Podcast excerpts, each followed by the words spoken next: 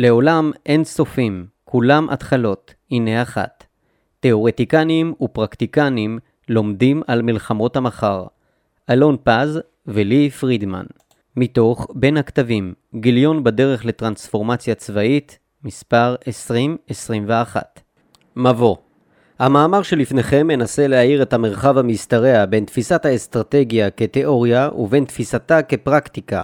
בקוטב האחד שואלים את שאלת היסוד כיצד להבין, ואילו בקוטב השני המוקד הוא השאלה מה לעשות. בכך אנו מבקשים לספק הקשר רחב לשני המאמרים הבאים בגיליון שניהם פרי שיתוף פעולה בין החטיבה האסטרטגית באגף התכנון ובין תוכנית המצטיינים לאסטרטגיה וקבלת החלטות במרכז הבינתחומי הרצליה. הטענות המרכזיות שאנו מבקשים לטעון במאמר זה הן כדלקמן. אופייה של המלחמה משתנה מדי כמה עשורים נוכח שינויי עומק רחבי היקף המעצבים תנאי חיים חדשים לקיום האנושי ולמלחמה כתופעה אנושית קבועה.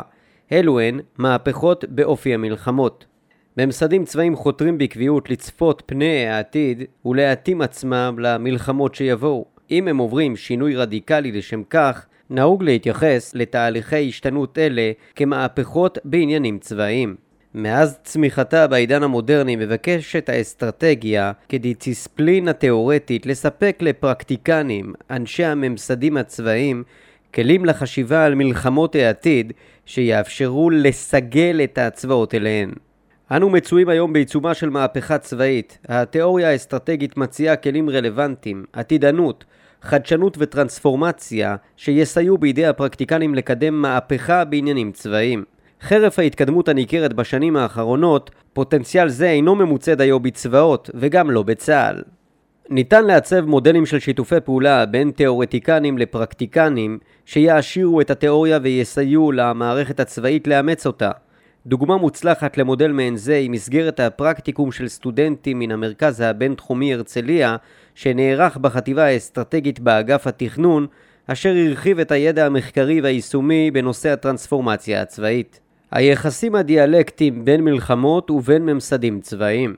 מקובל לשאול שאלות של התמצאות במרחב, כמו היכן אנחנו? לכן, שאלות של התמצאות בזמן, כמו מתי אנחנו, נתפסות לעיתים כשאלות מוזרות. למעשה, מתי אנחנו, היא השאלה המרכזית בקרב קהילת אנשי הצבא והעוסקים בהיסטוריה ובעתיד המלחמות המאפיינת את רוח התקופה הנוכחית. ראיה לכך הוא היקף המאמץ המושקע כדי לאפיין נכונה את ההווה ואת העתיד, תוך חיפוש אחר הקבוע והמשתנה באופי המלחמות והעימותים הצבאיים. התיאוריה האסטרטגית מבחינה בין שני סוגים של מהפכות, מהפכות באופי המלחמות, שהן רחבות השפעה ובלתי נשלטות, ומהפכות בעניינים צבאיים, שאינן אלא שינויי עומק שעיצבו והנדסו ממסדים צבאיים. בין שני הסוגים הללו מתקיימת השפעה הדדית שקשה לצפותה. מהפכות באופי המלחמות מהפכות גלובליות שמקורן והקשרן אינו בהכרח צבאי, אכן מחוללות גם שינויי עומק במאפייניה של המלחמה הן תוצאה של מצרף תמורות גיאופוליטיות, כלכליות, חברתיות וטכנולוגיות בקנה מידה היסטורי. תמורות אלו גורמות לשינויי עומק של ההוויה האנושית כפי שהייתה מוכרת קודם לכן, ולשינוי עמוק במאפייניהן של המלחמות שמנהלות יחידות פוליטיות. מהפכות באופי המלחמות הן בלתי נשלטות ובלתי צפויות, אכן אלו היוצרות את המצב ואת ההקשר למהפכות בעניינים צבאיים. ניתן לזהות שורה של מהפכים פוליטיים, חברתיים, כלכליים וטכנולוגיים מרחיקי לכת לאורך הרבה מאות השנים האחרונות. כל אחד מהם עיצב את דמות המלחמה בעיתו, ואילו המזיגה שלהם כמצרף רבוד ורב שכבתי בונה את ההיסטוריה הארכיאולוגית של מלחמות ההווה והעתיד. הולדת מדינת הלאום המודרנית במאה ה-17 חייבה ארגון צבאות מקצועיים גדולים יותר מהמקובל לפני כן, צבאות שהושתתו על משמעת חזקה. המהפכה הצרפתית בסוף המאה ה-18 האיצה את הרגש הלאומי והביאה להופעת מעמד אזרחי המדינה. הדבר אפשר לראשי המדינות לכונן צבאות עממיים מבוססי משמעת ותחושת פטריוטיות שהיו גדולים וזולים עשרות מונים מהצבאות המקצועיים של המאה ה-17. התיעוש במאה ה-19 בתקופה זו הוכנסו שיפורים משמעותיים במנוע הקיטור ובכך נפתח השער למהפכה התעשייתית ולניידות האסטרטגית ביבשה ובים. המצאת הטלגרף ב-1833 אפשרה תקשורת על פני מרחקים ארוכים ושליטה בכוחות מפוצלים, ובכך תמכה במהפכת הניידות. שילוב המהפכות הללו גרם לכך שהמלחמות במאה השנים הבאות לא דמו לכל מה שקדם להן. חלק מהממסדים הצבאיים למדו ואף הטמיעו כבר בשלהי מלחמת העולם הראשונה את לקחי הכשלים הצבאיים של ראשית מלחמה זו. לכן ניתן לאתר את שורשי האסטרטגיה הצבאית של מלחמת העולם השנייה כבר שם. פיתוח הגרעין במאה ה-20 ואימוצו על ידי הצבאות, התפתחות טכנולוגית זו דווקא קיררה את תופעת המלחמה בניגוד למצופה בדור הגרעיני הראשון. תקופת הפוסט-קולוניאליזם החלה עם נסיגת האימפריות המערביות בשנות ה-50 של המאה ה-20 ונמשכה עם נסיגת האימפריה הסובייטית בתחילת שנות ה-90 של המאה. בכך נפתח הפתח למאבקי שחרור לאומי נגד ההגמון, מלחמות האזרחים שהשפעתן זלגה החוצה והן גרמו לפיצול לאומי, למלחמות דת, להתערבות חיצונית ועוד. מהפכות בעניינים צבאיים מהפכות בעניינים צבאיים הן טרנספורמציות המחוללות שינוי במקביל בדמותם של הכוחות הלוחמים בהיבטי ארגון, במבנה, בתיאוריית הניצחון ובאמצעי הלחימה. אלו הן מהפכות שכולן מעשה ידי אדם, או ליתר דיוק מעשה ידי מצביעים, ממסדים צבאיים וקברניטיהם המדיניים, בסדר הזה, היוזמה למהפכות אלו באה בתגובה להתהוותן של מהפכות מן הסוג הראשון, מהפכות באופי המלחמות. כך למשל, במאה ה-17 גוסטבוס אדולפוס השוודי ומוריס מנסאו ההולנדי פעלו לכינון צבאות המדינה המקצועיים המבוססים על אימון, תרגול ומשמעת. מהפכה זאת שלהם היא שכבת היסוד של כל הממסדים הצבאיים הקיימים היום. בסוף המאה ה-18 הימם נפוליאון בונפרטה את אירופה בזכות מהפכת גיוס ההמונים שאפשרה לו להקים רצף של צבאות גדולים וטיפשים אבל זולים ולכפות קרבות הכרעה על צבאות מקצועיים קטנים, חכמים ויקרים. גיוס ההמונים הוא מהפכה שהפכה ברבות השנים לממסד עצמו. במחצית השנייה של המאה ה-19 פיתחו הצבאות ניידות אסטרטגית ביבשה ובים, פוש למרחקים על בסיס הטלגרף, זינוק בכוח האש היבשתי והימי, ובנוסף לכך, את המטות הכלליים. גם מהפכה זו שקעה בהדרגה והפכה להיות שכבת בסיס בארכיאולוגיה של הצבאות המדינתיים המודרניים. במחצית הראשונה של המאה ה-20 הטיחו הממסדים הצבאיים אידיאולוגיה לאומית, חברה מתועסת וטכנולוגיה צבאית למה שמוכר לנו כלוחמה המדינתית הטוטלית המודרנית. לוחמה זו שוכללה בניסוי וטעייה בשנים האחרונות של מלחמת העולם הראשונה והבשילה במלחמת העולם השנייה. עקרונותיה, בתמצית, הם ניידות אופרטיבית ואסטרטגית במרחב גדול, רב-ממדיות, תלות בבחירת המטרות במודיעין מבוסס סנסורים, תכנון פרטני של השימוש בנשק מדויק, שילוב זרועות להגברת האפקט הצבאי, וכן פוש, תכנון מרכזי וניהול מקצועי, המתקיימים במפקדות בדרג הגבוה. במחצית השנייה של המאה ה-20 שילבו המעצמות את הנשק הגרעיני בצבאות, ובכך עיצבו למעשה את היחסים הבינלאומיים וריסנו את עוצמת המלחמות למשך ארבעה עשורים. במהלך עשורים אלה פיתח הצבא האמריקאי ואחריו גם צה"ל את תשלובת המודיעין אש שהפכה למלכת הקרב בשלושת העשורים האחרונים. מתי אנחנו מנסים להבין את מלחמות העתיד? הקהילה הביטחונית צבאית הגלובלית מנסה לענות על השאלה מתי אנחנו, ומסכימה ככלל שאנו מצויים בעיצומן של תמורות רחבות היקף המחוללות מהפכה ומשנות את פני העימותים והמלחמות. קשה לשים את האצבע על ראשית התמורה, ובוודאי שלא נכון להתנבא באשר לסיומה, אך מקובל להניח, בהמשך לסדרת המהפכות שתוארה לעיל, שאנו נמצאים מזה עשור או שניים בתוכה. ממסדי הביטחון בעולם מבקשים לעמוד על טיבה של מהפכה זו ולהבין אילו סוגי מלחמות יילחמו בעתיד כדי להתאים את הצבאות לניצחון במלחמות הללו. אחד הסימנים המעידים הבולטים של המהפכה הצבאית הוא היקף הכתיבה של ממסדים ביטחוניים על עתיד המלחמות. כתיבה צבאית ביטחונית עשירה המעידה על מבוכה צבאית, או בנימה אופטימית יותר, על מאמץ לנסח השערה חדשה על אופי המלחמות כבסיס להתאמת הצבאות לאתגרי העתיד. מפעל כתיבה זה כשלעצמו מעיד על עומק השינוי המתחולל באופייה של המלחמה. מהן התשובות המקובלות לשאלה מתי אנחנו בהקשר של עתיד המלחמות? ננסה לתמצת את אופן שבו מדמיינים הממסדים הצבאיים את המהפכה הצבאית באמצעות שורה של זוויות התייחסות. הזווית הראשונה מבוססת על מסמך שעוסק בסביבה המבצעית העתידית, אשר חובר במטות המשולבים של צבא ארצות הברית בשנת 2016. מסמך זה מתאר את אתגרי העתיד. הסדר העולמי שינוי במארג הבריתות והיחסים האסטרטגיים נוכח עליית שחקנים כלכליים וצבאיים חדשים. יותר שחקנים יחתרו לשנות את הסדר הקיים בקנה מידה אזורי ולהשיג השפעה והגמוניה כמעצמות אזוריות, בין היתר באמצעות השתלטות על מרחבים משותפים והצרת צעדי שכניהם. יותר מעצמות אזוריות יחתרו להרחיב את השפעתן ולהפוך לשחקנים גלובליים. שחיקת מוסדות בינלאומיים קיימים עקב ההחרפה בתחרויות אזוריות וגלובליות ועליית מוסדות חדשים וחלופיים. יותר מדינות יידרדרו ויהפכו למדינות כושלות, הדבר יביא לצמיחת שחקנים תת-מדינתיים ויערער את היציבות והביטחון בקנה מידה אזורי ואף גלובלי. הגיאוגרפיה האנושית גידול דמוגרפי מסיבי בעיקר במדינות מתפתחות שיתקשו לספק את צורכי האוכלוסייה ויגרמו בכך לגלי הגירה.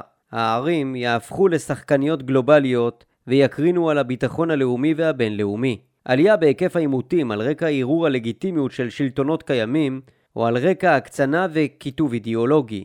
עליית מוקדי כוח חלופים שיאתגרו את השחקנים המדינתיים בשדה הכלכלי.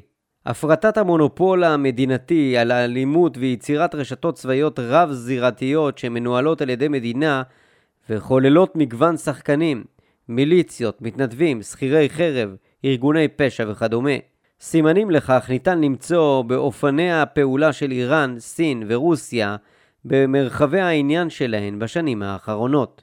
הטכנולוגיה מו"פ רב-תחומי יניב שילוב דיציפלינות, יאפשר לקשר את האמצעים לכדי מערכת תבונית אחת וישנה מן היסוד את כלי המלחמה. מנגד, התפוצה הרחבה והמחיר הנמוך ייתנו גם לשחקנים חלשים וקטנים גישה לטכנולוגיה אזרחית מתקדמת ורלוונטית לשימושים צבאיים, ויאפשרו להם להפגין עוצמה ניכרת. בכך הם יהפכו לשחקנים רלוונטיים בשדה הגאו-אסטרטגי. התפשטות המלחמה לממדים חדשים והטמעת סוגי אלימות חדשים אל תוך תופעת המלחמה. אובדן ההובלה של הקומפלקס התעשייתי-צבאי הישן במרכיבים רבים של מו"פ ביטחוני צבאי. לצד זאת ייווצר צורך במערכת בניין כוח גמישה המבוססת על מודלים חדשים למו"פ ועל שותפות ביטחונית אזרחית, אופי המלחמות וההקשרים שבהם הן התנהלו. התרחבות החיכוך, מלחמות התנהלו ברמות הביניים עקב החשש של הצבאות מקטלניות אמצעי הלחימה החדשים. מלחמות התנהלו גם בקצה הנמוך של העצימות, עקב העלייה באתגרי הביטחון מתוך אזורים שימצאו במצב של תת-פיתוח וחוסר משילות. קיומו של חיכוך רציף יאיץ את תחרותיות הלמידה וההסתגלות בין הצדדים, ויקשה עליהם לשמר נשק הפתעה ליום דין שאולי יבוא. טשטוש קווי ההפרדה בין לוחמים ללא לוחמים, בין פנים לחוץ, בין טרור לפשע, בין כוח רך לכוח קשה, ובין מלחמה לשלום. מאבקי שליטה על מרחבים פיזיים, נתיבים ימיים, החלל, על מדינות מתפוררות וכושלות, במזרח התיכון, באפריקה, באסיה, ועל ממדים טכנולוגיים, הסייבר, הבינה המלאכותית, הספקטרום האלקטרומגנטי. מלחמות להגנה על ביטחון המולדת מפני איומים מתקדמים מן החוץ, חימוש מדויק, מתקפות סייבר, או מבפנים, טרור, פשע מאוכוון, מניפולציות תודעה, פליטות ואתגרים הומניטריים בגבולות. צבאות יידרשו להמשיך ולהרחיב את מושג הביטחון ואת תחומי העיסוק של המקצוע הצבאי, וכן לפתח קשרים או צורות תפקוד חדשות, שיאפשרו להם לנהל באפקטיביות מנעד רחב של לוחמות. זווית מעט שונה מציג חוקר האסטרטגיה והתיאורטיקן הבריטי, פרופסור קולין גריי, שהיה גם איש הממסד הביטחוני האמריקאי. גריי סיכם את עתיד המלחמה בספר שהוקדש לנושא זה. לדבריו נוכל להבין טוב יותר את עתיד המלחמות אם נפתח מודעות היסטורית ביחס לחמישה תחומים. ראשית, ההיסטוריה של המלחמות חיונית להבנת הקשר ולזיהוי רציפות ואי רציפות בעתיד המלחמות, גם אם אין ביכולתה לספק מדריכים למלחמות העתיד. שני התחומים הבאים הם החשובים ביותר בעיצוב דמותה של המלחמה, ההקשר הפוליטי והגאו-אסטרטגי של המערכת הבינלאומית והגורם האנושי-תרבותי-חברתי של התקופה שמשפיע על המורל ועל המיומנות הצבאית. התחום הרביעי הוא חתירת הצדדים הלוחמים להשיג סימטריה או אסימטריה בדפוסי הלחימה שלהם.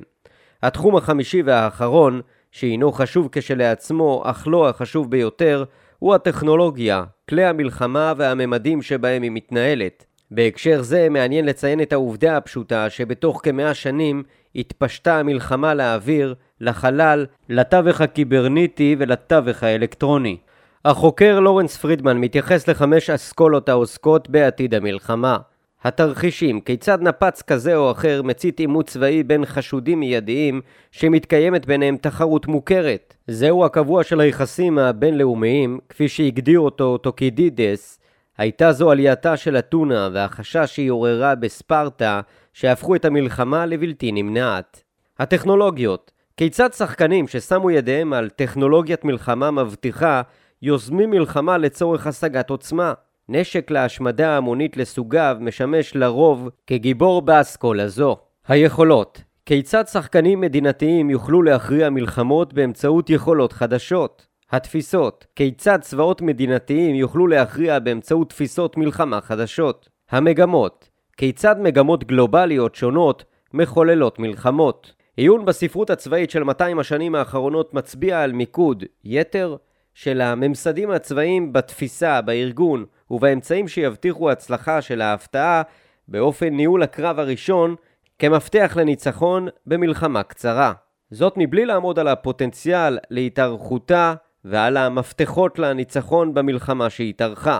התופעה מבהירה את ההבדל בין תפיסת האסטרטגיה כמתודה לעיצוב הניצחון בקרב לטובת הצלחה במלחמה ברמה הצבאית ובין תפיסתה כמתודה לניצחון במלחמה לטובת הצלחת המדיניות ברמת הביטחון הלאומי. פרקטיקנים צבאיים מעדיפים את התפיסה הראשונה, בעוד שמדינאים מעדיפים את השנייה. הפוטנציאל התיאוריה והפרקטיקה של האסטרטגיה ותרומתן למהפכות בעניינים צבאיים. מהפכות באופי המלחמות נוטות להיות מפתיעות ובלתי נתפסות. ממסדים צבאיים מזה ומוסדות אקדמיים מזה מופתעים תמיד מחדש נוכח התהוויות איטיות או מהירות שמשנות את פני המלחמה. הראשונים לומדים דרך חיכוך עם המציאות בעוד שהאחרונים לומדים דרך חיכוך אינטלקטואלי והמשגה. כמו בתחומים אחרים במחקר המדעי, תאורטיקנים בתחום לימודי האסטרטגיה מבקשים לקדם ולפתח ידע תאורטי ויישומי כאחד. מאז שהדיסציפלינה הופיעה לראשונה באקדמיה תחת התחום הרחב יותר של יחסים בינלאומיים ומדעי המדינה, במחצית השנייה של המאה ה-20, תאורטיקנים ללימודי אסטרטגיה חיפשו אחר אינטראקציה אינטלקטואלית רציפה עם עולם המעש. שאיפתם העיקרית הייתה לחקור את השאלות הבסיסיות הנוגעות למלחמה ושלום, ובמיוחד את השינויים באופי המלחמה כמדע טהור. זאת, תוך שמירה על רלוונטיות עבור מושא המחקר שלהם, הפרקטיקנים של תחום האסטרטגיה על ידי כך שיספקו תובנות ישימות שיאפשרו להם להסתגל באופן מיטבי לסביבה האסטרטגית והאופרטיבית בה יילחמו. יחסי הגומלים בין התאורטיקנים ובין הפרקטיקנים העוסקים באסטרטגיה אינם דיאלקטיים.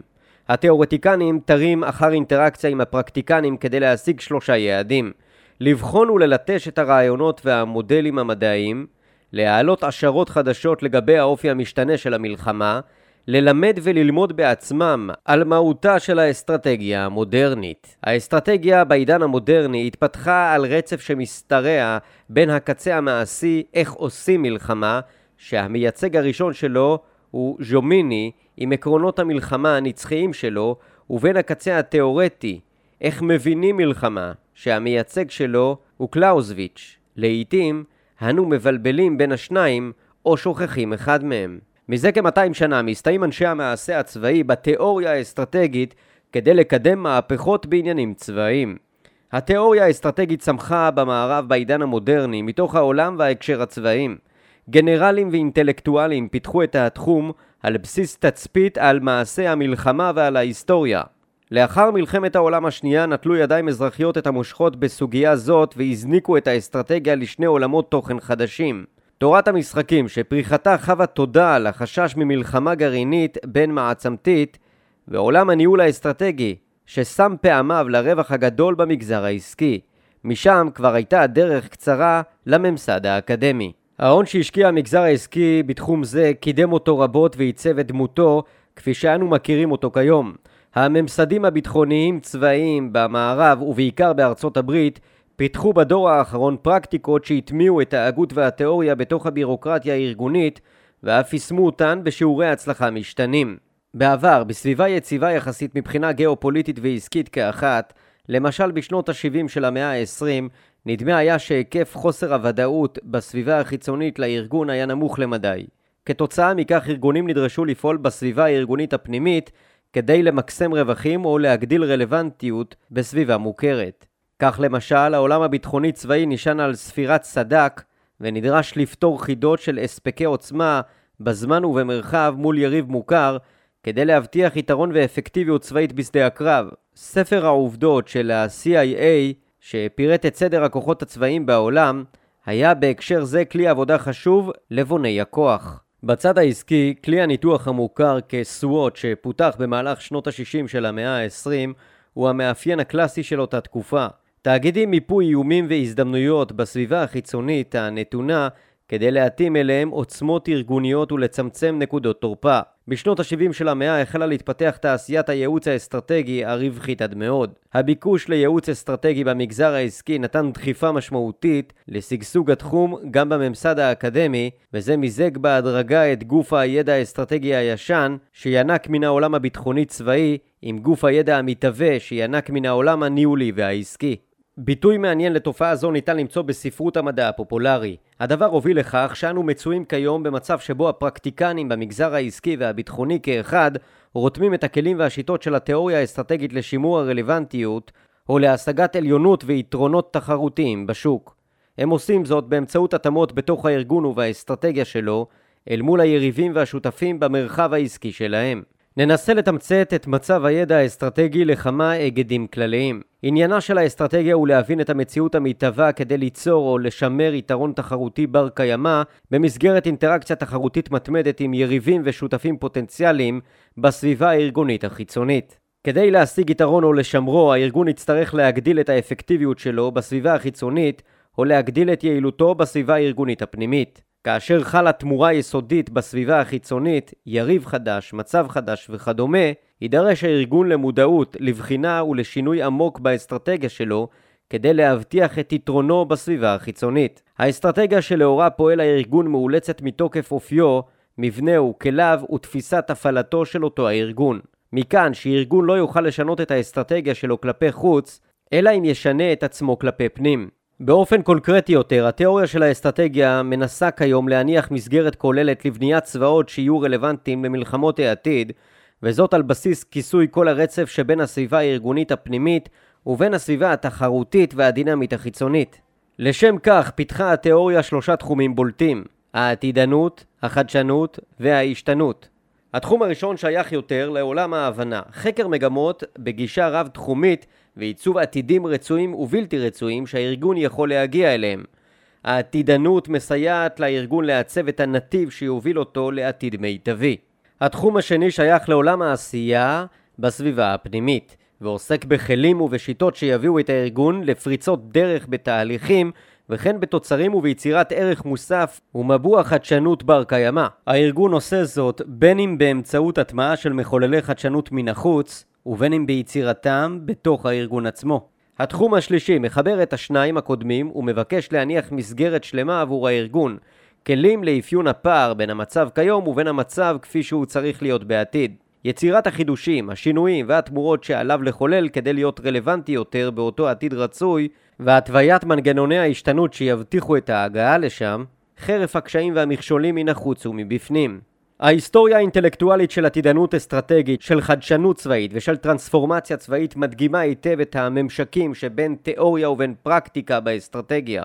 מקורם של שלושת הרעיונות הללו במסגרות תאורטיות אקדמיות טהורות משלהי המאה ה-20 עד תחילת המאה ה-21, התאורטיקנים שפיתחו רעיונות אלה ביקשו להבין טוב יותר תופעה מעולם המעש, דהיינו, את אופייה המשתנה של המלחמה. לאחר מכן שאפה התיאוריה לפתח כלים מועילים שיאפשרו לפרקטיקנים להתאים את הארגונים הצבאיים לשינויים. כך התיאורטיקנים ביקשו לתאר את התופעה, לחקור את סיבותיה ולספק לפרקטיקנים כלי יעיל מסגרת לחשיבה ולפעולה ממשית בעולם האסטרטגי. מושגים אלה הפכו במהלך העשור הראשון של המאה ה-21 לחלק בלתי נפרד מהלקסיקון המקצועי של הקהילות הצבאיות ברחבי העולם. מאז, התיאורטיקנים העוסקים בתחום זה מביעים נכונות לעקוב מקרוב אחר התפתחויות אמפיריות כדי להמשיך ולפתח את הידע היישומי באופן שישמר את הרלוונטיות האינטלקטואלית שלהם ביחס לעולם המעש. בחינת התועלת בפועל ששני העולמות מפיקים מאינטראקציה זו חורגת מהיקפו של מאמר זה.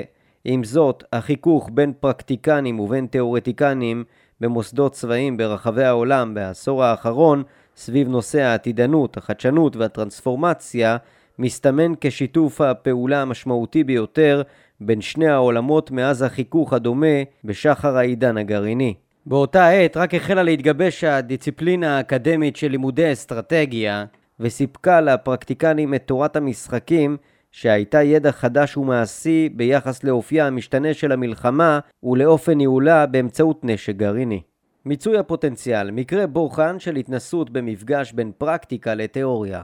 ניסינו ליצור בחטיבה האסטרטגית באגף התכנון מרחב רלוונטי שבו ייפגשו תאורטיקנים ופרקטיקנים ובדרך זו לבחון את הפוטנציאל של העולם האקדמי במתן מענה לפער הגותי בעולם הפרקטי. עשינו זאת באמצעות יצירה של מסגרת פרקטיקום לסטודנטים מן המרכז הבינתחומי בהרצליה.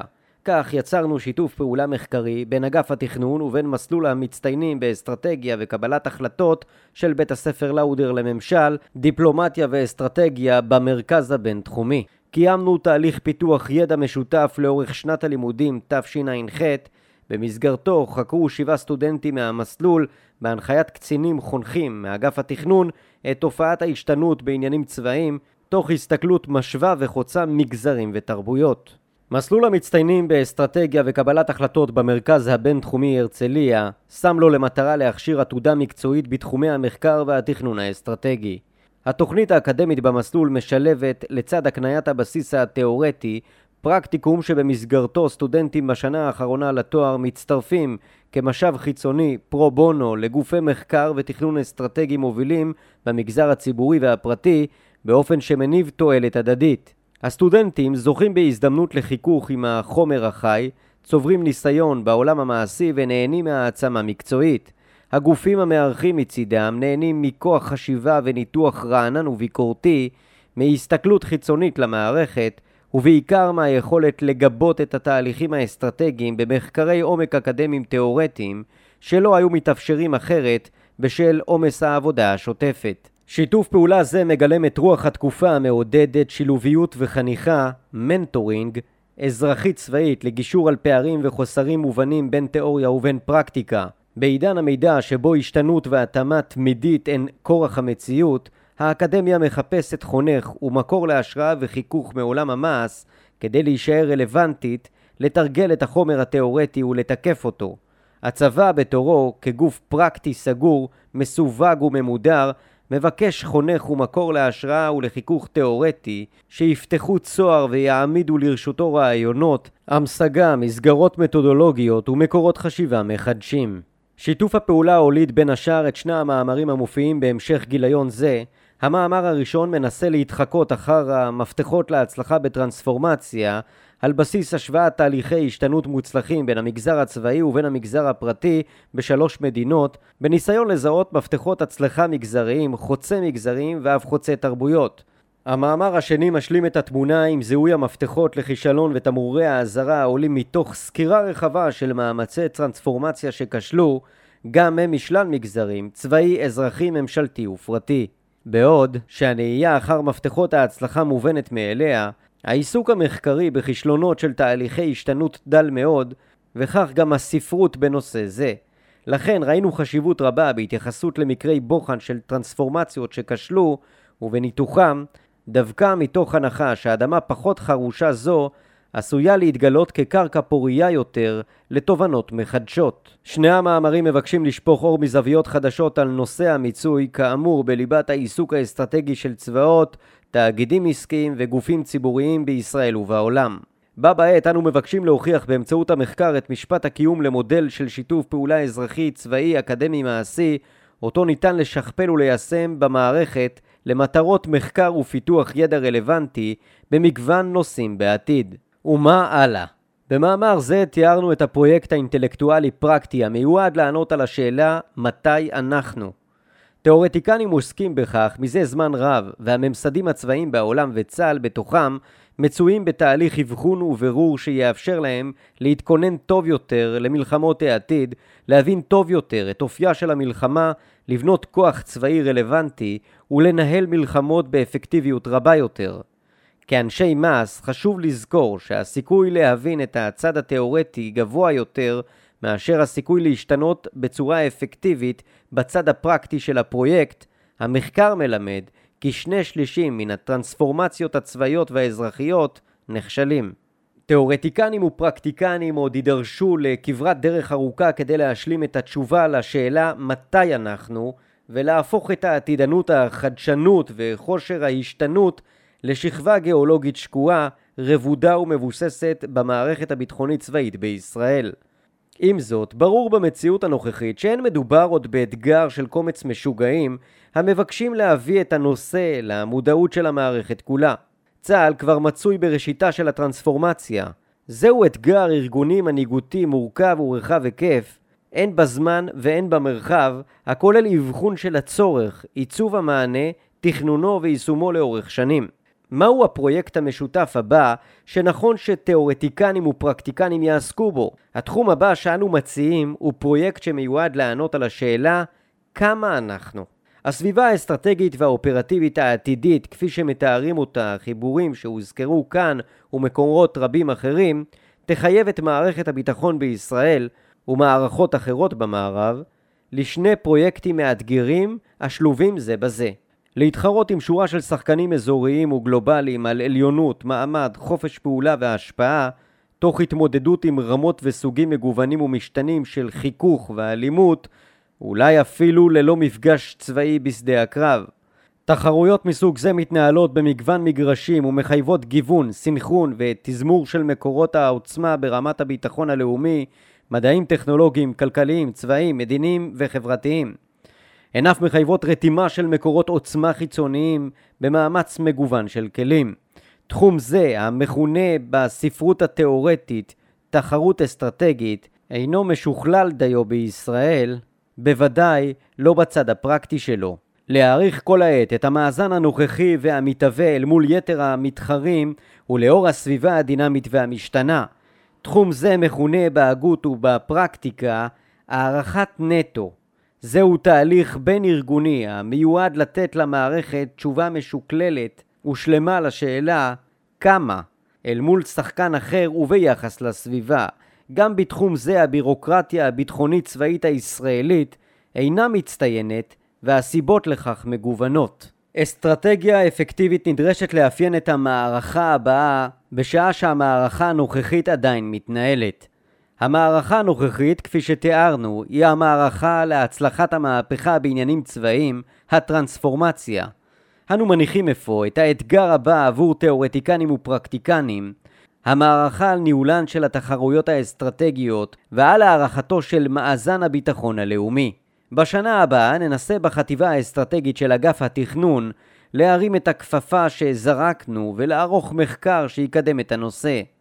בכך נבקש לתרום לבסיס הידע התאורטי בעברית העוסק בשני התחומים הללו, אבל לא פחות חשוב מכך, תהיה זו גם מחווה נאה, מעין הצדעה אקדמית למי שהיה בין חלוצי התיאוריה בתחומים הללו וגידל שורה ארוכה של פרקטיקנים. אנדרו מרשל, היוד האסטרטגי מוושינגטון, שייסד ב-1973 את Office of Net Assessment, עמד בראשו עד 2015 ונפטר בגיל 97 באפריל 2019.